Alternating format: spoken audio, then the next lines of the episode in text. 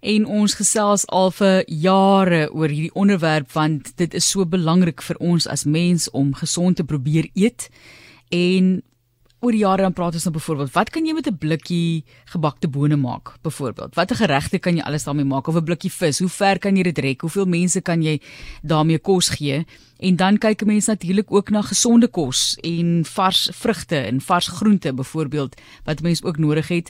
Karin Meyer wat vir ons vandag help met praktiese raad vir daardie werklike randrekker kos. En Karin, ja, dit bly 'n gesprek op hierdie stadium want en as 'n debat daaroor baie mense wat sê ag nee man, mense kan gesond eet, hulle is net te lui om te kook en so, maar dis almal baie goedkoop om 'n vinnige vinnige uitneem etjie te kry vir die hele gesin baie keer as wat dit is om te gaan en al die bestanddele te koop en dit self ook te kook. Hmm. Hallo Marlies, dankie dat ek weer kan gesels. Ehm um, ek wil dit net gou noem. Ons het 'n paar maande terug gesels oor koskalente en ek dink dit is nog steeds baie relevant veral in die tye wat ons leef. En uh, so, as jy my begin, wil ek net gou so vinnige inleiding gee, net net om 'n perspektief te gee voordat ons in die detail ingaan kan ek dit gou-gou doen? Jy's welkom. OK. So ek en jy en ek seker luisteraars ehm um, ervaar dit aan hulle eie sak, jy weet, uh, kospryse wat op is. Ek sien dit in die winkel hoe mense twee keer, drie keer verby item stap wat waarskynlik op hulle lysie is, twee keer dink, drie keer dink voordat hulle iets koop. So dit op sigself veroorsaak geweldige angs en bekommernis. En plus dan as jy 'n versorger is, soos 'n ma, tipies is ons ma's bekommerd oor alles wat ons kinders gaan tref, wat se siektes hulle dalk eendag gaan opdoen. Ehm um, ons is in elk geval sig uh, ehm um, warriors. Nou sit jy ehm um, by die effek van uh, groot word in 'n samelewing met 'n geweldige klomp moets en moenies rondom kos.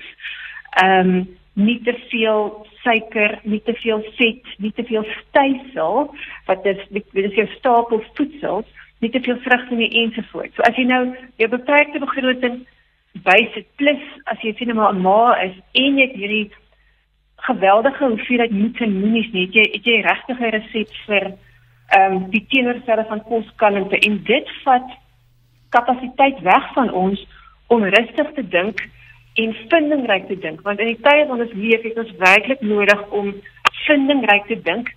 En ek wil so ver gaan as om te sê nie te puristies nie. Met ander woorde nie te rigied rondom reg en verkeerd reg of weg nie. Ehm um, want andersins gaan ons ons en ons kinders ehm um, lei daaronder lei en nie genoeg kry nie ehm um, omdat ons beperk word en nie vol raak nie en en dit gaan 'n uh, uh, effekie op bevrediging ensovoorts. So ek sien nie daai perspektief en ek dink dit is belangrik. Ehm um, in my werk sien ek baie mense wat baie angstig is rondom kos. En nou sit jy nog 'n nog 'n dinamika by en dit dit het 'n groot invloed. So enigiets wat ek sê vandag wil ek regtig maar ook versigtig sê want elke situasie is so uniek. Ehm um, wat vir my goedkoop is is vir 'n ander een weet onbekostigbaar. Hulle hulle kan dalk weet net een of twee dinge bekostig. So ehm um, mens moet dit ook in daai lig sien. Ja, hoe meer um, mense praat oor daai tipe van dinge en die stres dra met wat 'n mens moet en nie moenie, hoe meer hmm uh probleme ontwikkel mense eintlik met kos en veral vir jong kinders dink ek is dit is dit 'n baie baie groot krisis. Karin Meyer ook 'n geregistreerde dieetkundige natuurlik en voedingsterapeut met wie ons gesels oor werklike randrekker kos. So ons soek nou daai praktiese raad by jou. Ons is nou kalm. Ons het nou besluit okay. ons gaan nou die raad neem soos wat jy dit vir ons gee en dit probeer inkorporeer so ver moontlik in ons lewens. Is dit reg so? Hmm. Okay, so ek ek ek ek het vir die vir enkellopende mense in gedagte maar ook vir sorgers en mense van groot families wat wat vir al die knyp voel en wat daai kos moet rek um, om om almal se maag vol te maak. So die vraag wat dikwels na my kant kom of die kommentaar wat ek dikwels kry is brood of nie.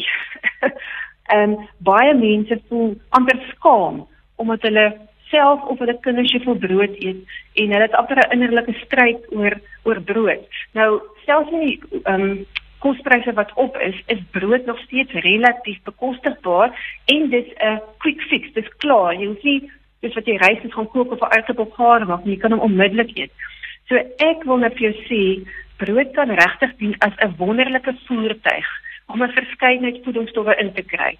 Ehm um, en verder gee dit vir my of vir jou as versorger 'n vinnige maaltyd op twee wat jy nie geweldig baie dinktyd is in te sit nie en dit gee vir jou kapasiteit om vanaand 'n lang sous of 'n vindingryke gereg te maak wat almal se maag voed. So wees rustig rondom brood en um, koop die grofste brood wat jy en jou gesin van hou. As jy dit kan afwissel, doen dit. Jy kan 'n baie gebalanseerde maaltydjie maak van brood, brood met eier, met baked beans, sop in 'n broodjie, gisteraand se oorskiet bo op 'n broodjie ehm um, ietsie vars bysit en dit is regtig waar 'n gebalanseerde maaltyd wat ook baie bevredigend kan wees. Dan iets anders wat ek wil noem is uh superkosse of sogenaamde superkosse. Ek wil graag hê mense moet in gedagte hou dat daai term maar 'n opgemaakte term is. Ehm um, mense bedoel dit goed dit uh, dit verwys gewoonlik na kos wat gelaai is of wat besonder 'n uh, besondere voedingsstowwe het. So sien hulle blou bessies en chia saad. Nou as as jy blou bessies en chia saad kan bekostig wonderlik, moenie sleg voel nie, maar as jy dit nie kan bekostig nie, jy kan werklik waar superkosse op 'n goedkoop superkosse kry. Ehm um, dit klink nie opwindend, so opwindend soos chia saad en goji berries en quinoa nie, maar jy gaan baie fitochemikalie, antioksidante, veselproteïene daaruit kry wat werklik goed gaan wees. So dink aan goed soos wortels, kool, spinasie, eierknoffel, lensie, droëbone, pilchers, die uh, uh, verdyne, eiers, havermout en sulke tipe van goed. So jy kies wat vir jou familie werk. As jy nie daai ding kan bekostig nie of jou familie hou nie daarvan nie, ehm um, daar's genoeg superkosse wat relatief bekostigbaar is. Dit klink net nie so so grand nie as ek dit so kan sê. En dan wil ek jou weer herinner aan ehm um, wat ek nou noem uitgerekte souse of lang souse met saam met 'n stapel voedsel. En ek sê dit nou en wat ek daarmee bedoel is ek bedoel nie 'n lang dun sous nie, want dan voel my sommer ehm um, onbevredig as jy hierdie waterige sous saam met jou rys of jou mieliepap of jou aartappels moet eet. So die die triek daarin is om te kyk of jy die sous voedsaam, smaakvol, geurig, kleurig kan maak en of jy dit sien nou maar as dit net sien maar 'n maalvleis of 'n stoofvleis of iets is of jy dit kan red tot twee maaltye. Ehm um, dit is waar jy wil kyk as jy werklik jou rande wil red. So ehm um, 'n uh, eenvoudige manier om dit te doen is eers as jy wil jou vloeistof meer maak, sê maar water, melk of 'n sous bysit en dan wil jy hom verdik anders jy kry daai daai lang dun sous wat jy eintlik nie wil hê nie behalwe as jy daarvan hou. Ehm um, havermout is wonderlik, rooi lentsies is wonderlik, enige fyn gedrukte bone. Ehm um, daai tipe van goed gaan vir jou vesel byse, dit gaan die sous verdik en die tekstuur verdik. En dan maak jy dit geurig. Ehm um, as jy jou rande wil rek, sou ek sê maak ten minste seker dat jy geurende speserye wat vir jou bekostigbaar is in jou kas het, soos sinema komyn, kaneel, paprika, borrie, naaltjies. Ehm um, want dit gee uh behalwe dat dit geur gee, gee dit ook 'n dit word 'n kleurvolle voorkoms wat baie belangrik is vir bevrediging. En dan kan jy enige skringe dan opsnip, snip daai daai superkosse, spinasie, kool, wortel, ensovoorts gaan jou vesel verhoog, dit gaan jou voedingswaarde verhoog, maar dit gaan ook jou volume verhoog want dis wat jy wil doen as jy jou langsous eh, weet wel verdubbel vir twee maaltye. Ehm um, dan nog 'n nog 'n voorstel. Is jy nog met my? Ons is met jou. Okay. Is ehm um, wat ek noem vindingryke verskeidenheid. Met ander woorde, daar is 'n ding die Engels sê dit mooi eh, soos meal fatigue. Met ander woorde mens raak moeg van elke dag. Weet as jy nou 'n pot rys kook en en daai rys word elke dag voorgesit of daai breedie word weet oor 4 dae geëet mens raak moeg daarvoor. Plus as mens jou rande moet rek dan is jou toegang tot verskeidenheid meer beperkend. Maar verskeidenheid is noodsaaklik behalwe dat dit nodig is vir ehm um, uh, verskeidenheid van minerale en vitamiene wat jy nie in elke kos kry nie, is dit ook belangrik weer eens vir vir interessantheid en aptyd en bevrediging. So as jou bronne min is, is die triek om te kyk of jy dieselfde tipe kosse of kositems op verskillende maniere kan voorsien. Ehm um, ek gaan nou nie alles noem wat ek kan nie, maar kom ek sê byvoorbeeld ehm um, iets soos rys wat jy nou sê maar daai van daai lang lang sous gaan bedien. Ehm um, jy kan dit byvoorbeeld in 'n een skottel gereg maak met 'n klomp oorskiet plus jy kan rys geel kleur met borrie. So onmiddellik is dit dieselfde kos item, maar dit lyk anders te en jy kry selfs ander ehm um, nutriënte in omdat jy iets soos bors bygooi. Iets soos lensies. Baie mense is nie lief vir lensies nie. So hulle gaan so ag, tog hier's nou nog 'n nog 'n lensie gesprek.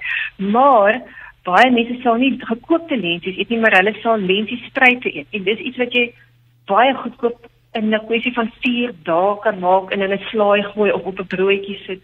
Ehm um, en weer is dit dieselfde, dis dieselfde kos item, maar jy sit hom op 'n ander manier voor. Jy kan in 'n koel, dit rou gaar in 'n roerdrag reg gebak in die oonsulke stukke of ehm um, jy kan dit fermenteer. Oorskiet groente kan jy ehm um, in daai lang rysgereg sit op 'n sous of jy kan 'n oorskietkoors maak amper soos 'n pastei of dit in klein muffinpannetjies sit. So, ehm um, dit gee vir jou en jou kinders of jou gesin afwisseling wat wat 'n belangrike faktor is vir jou um, om aanhou kos maak wat vir jou darme mate van bevrediging gee en vir jou gesin om aanhou eet. Ehm um, en dan laastens havermout as ek nou dink jy kan self havermout wraps baie eenvoudig maak. Ehm um, jy week dit oornag met water, maak dit fyn en jy kan 'n tipe wrap daarmee maak. Ehm um, jy kan haver met pannekoekie maak met 'n halwe koppie rou geweekte haver met 'n geklitse eier en dit bak as pannekoekies met grommetjie botter. Jy kan dit nou gebruik om souse te verdik en natuurlik as 'n ontbyt. Ehm um, gekookte pap is is nou maar altyd goedkoper as bokspap. Ja. En dan wil ek my seker geheime wapen hier bysit of ek dink 'n maase geheime wapen, ehm um, nagereg. Ehm um, as jou huismense vyf voet raak van lang souse of al van een ehm um, verlengde rysgeregte kan nagereg regtig 'n wonderlike manier wees om eet interessant hou. Dat dit kan bydra net tot die bevredigingsfaktor, met ander woorde sê net maar 'n paar blokkies sjokolade of 'n ehm um, kiele tot gekoelde kondensmelk ja. of of 'n of 'n bietjie vla of wat ook al of dit kan bydra tot die tot die voedingswaarde van die gereg. Soos sien maar of van die van die ete, sien maar ehm um, gestoofde en kaneelsuiker of so 'n tipe van ding. En ek sê altyd vir mense met gesinne, dien dit op saam met jou hoofmaaltyd. Met ander woorde nie na die tyd as 'n as 'n tipe van beloning omdat jy jou kos opgeëet het nie. Dit is 'n baie goeie manier vir kinders om dit te sien as deel van 'n verskeidenheid kosse in plaas van dat dit hierdie verhoogde waarde kry en hierdie beloningswaarde omdat hulle nou hulle lensies opgeëet het. Ehm um, ja, so, ja. so nagereg en daai daai daai ekstra daai X-faktor maak dat ehm um, jy aanhou kos maak en dit maak dit volhoubaar vir jou en dit maak dit vir jou kinders ook bevredigend want ehm um, mense wil volkom en mense wil tevrede voel